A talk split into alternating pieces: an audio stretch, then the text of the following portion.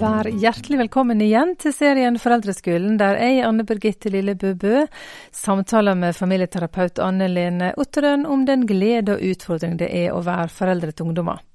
Vi har snakka om hvordan det er å være ungdom i dag, om kommunikasjon, om det å vise at vi fortsatt er glad i dem, og det å danse sving, eller med andre ord guide dem gjennom svingningene i livet.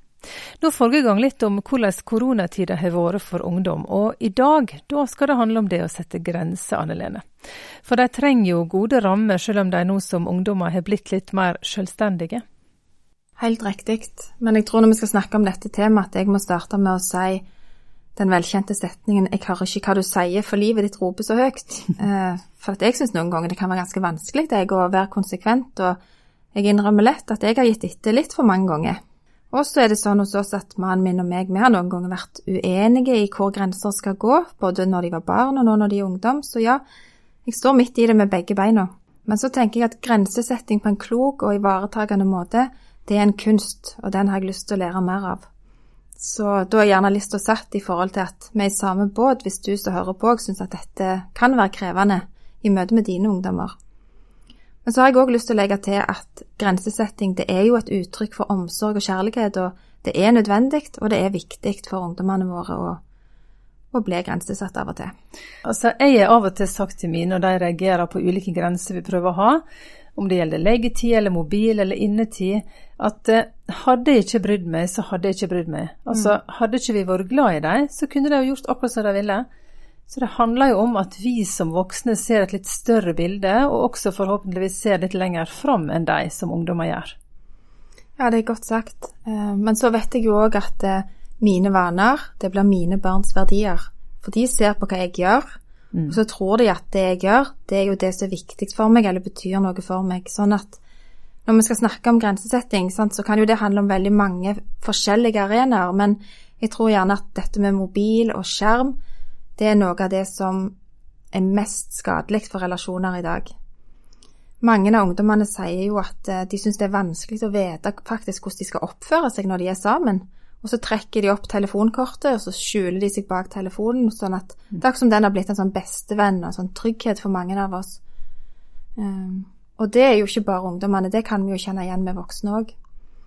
Uh, eh, og for noen så handler skjerm om å surfe på nyheter og nettsider, for andre kan det jo handle om å spille spill, lytte til podkaster, kan lese Bibelen, du kan finkjemme sosiale medier og ja, rett og slett bare koble ut litt.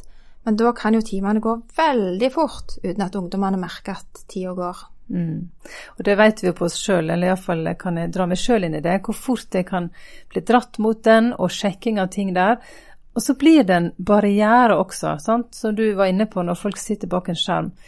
Og undersøkelser har vel vist at bare om mobilen ligger imellom to mennesker, opp ned faktisk, så skjer det noe med relasjonen. Så her er det viktig å være gode forbilder for ungdommene.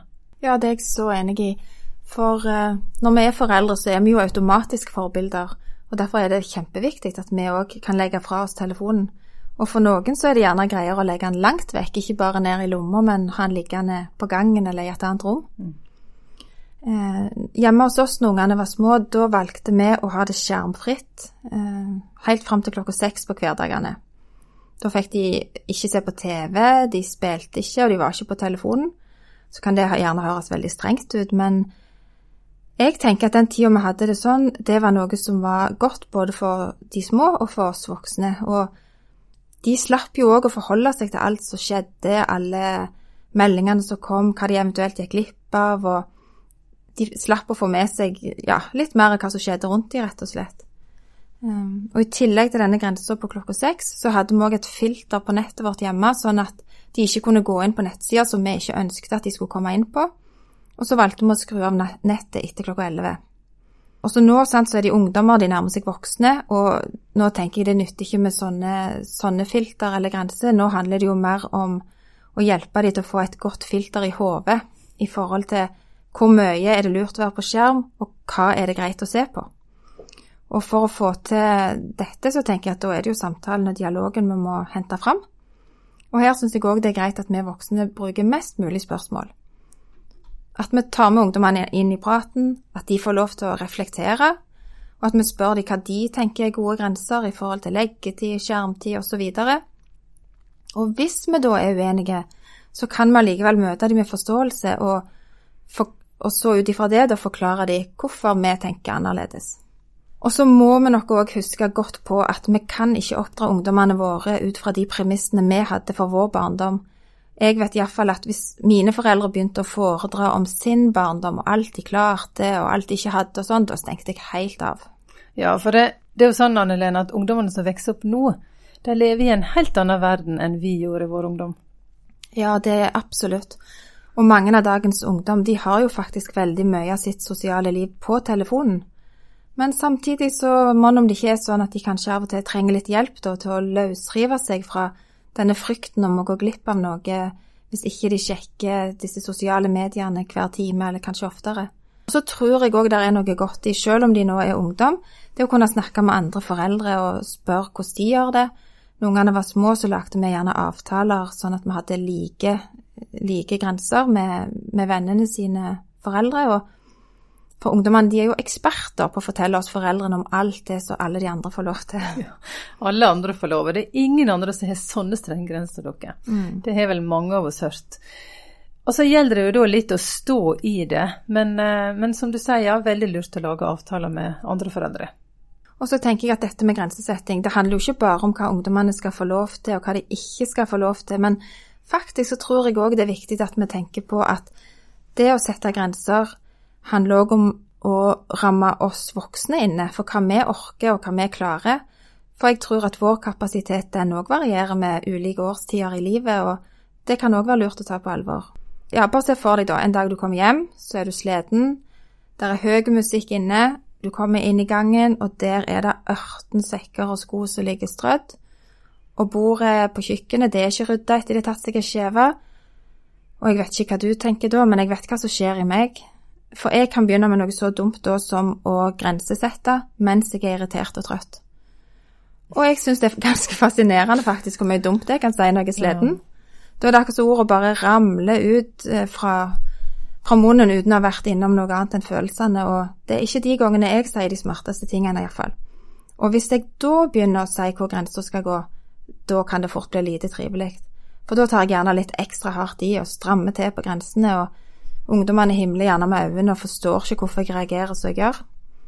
Og den type grenser er jo ikke lett å holde fast på, og det er kanskje heller ikke ønskelig å holde fast på de.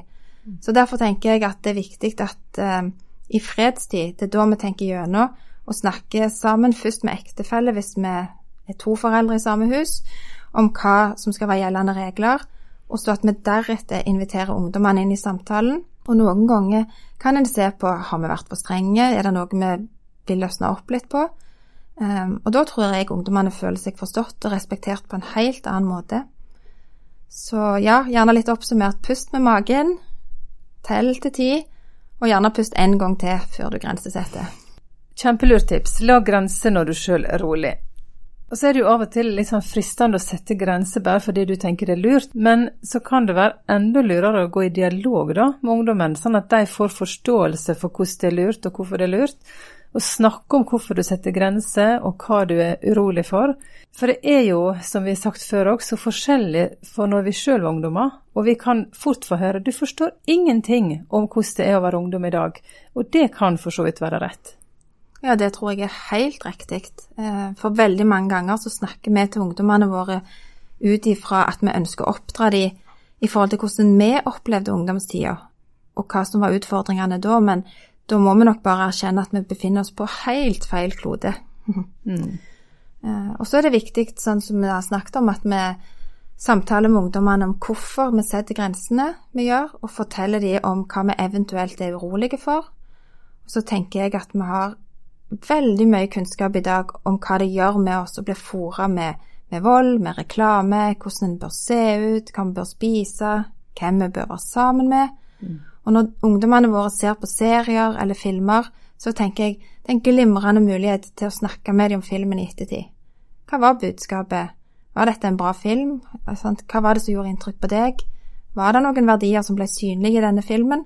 Da kan vi ofte hjelpe dem til å reflektere over om er det bra for meg å se på dette eller ikke. Og så kan jo det igjen da være hjelpsomt for det filteret som de trenger å ha i eget hode. Mm. Så Grensesetting for ungdom handler altså om å ta det på alvor og forklare hvorfor vi tenker som vi gjør. Og selv om vi sjøl levde i en helt annen tid, så har vi tanker om hva som kan være lurt. Og i forhold til det med skjerm og mobil, så det sier, å være til stede, da. Mm. Vi må være gode forbilder her òg. Mer du vil legge til, Anne Lene?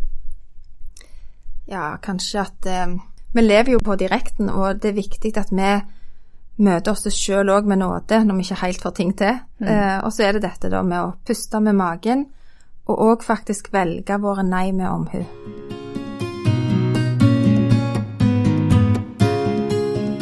Du lytter til Foreldreskolen, en serie fra Petro. Her møter du Anne Lene Otterøen og Anne Birgitte Lille Bøbø. Serien er laga med støtte fra Medietilsynet.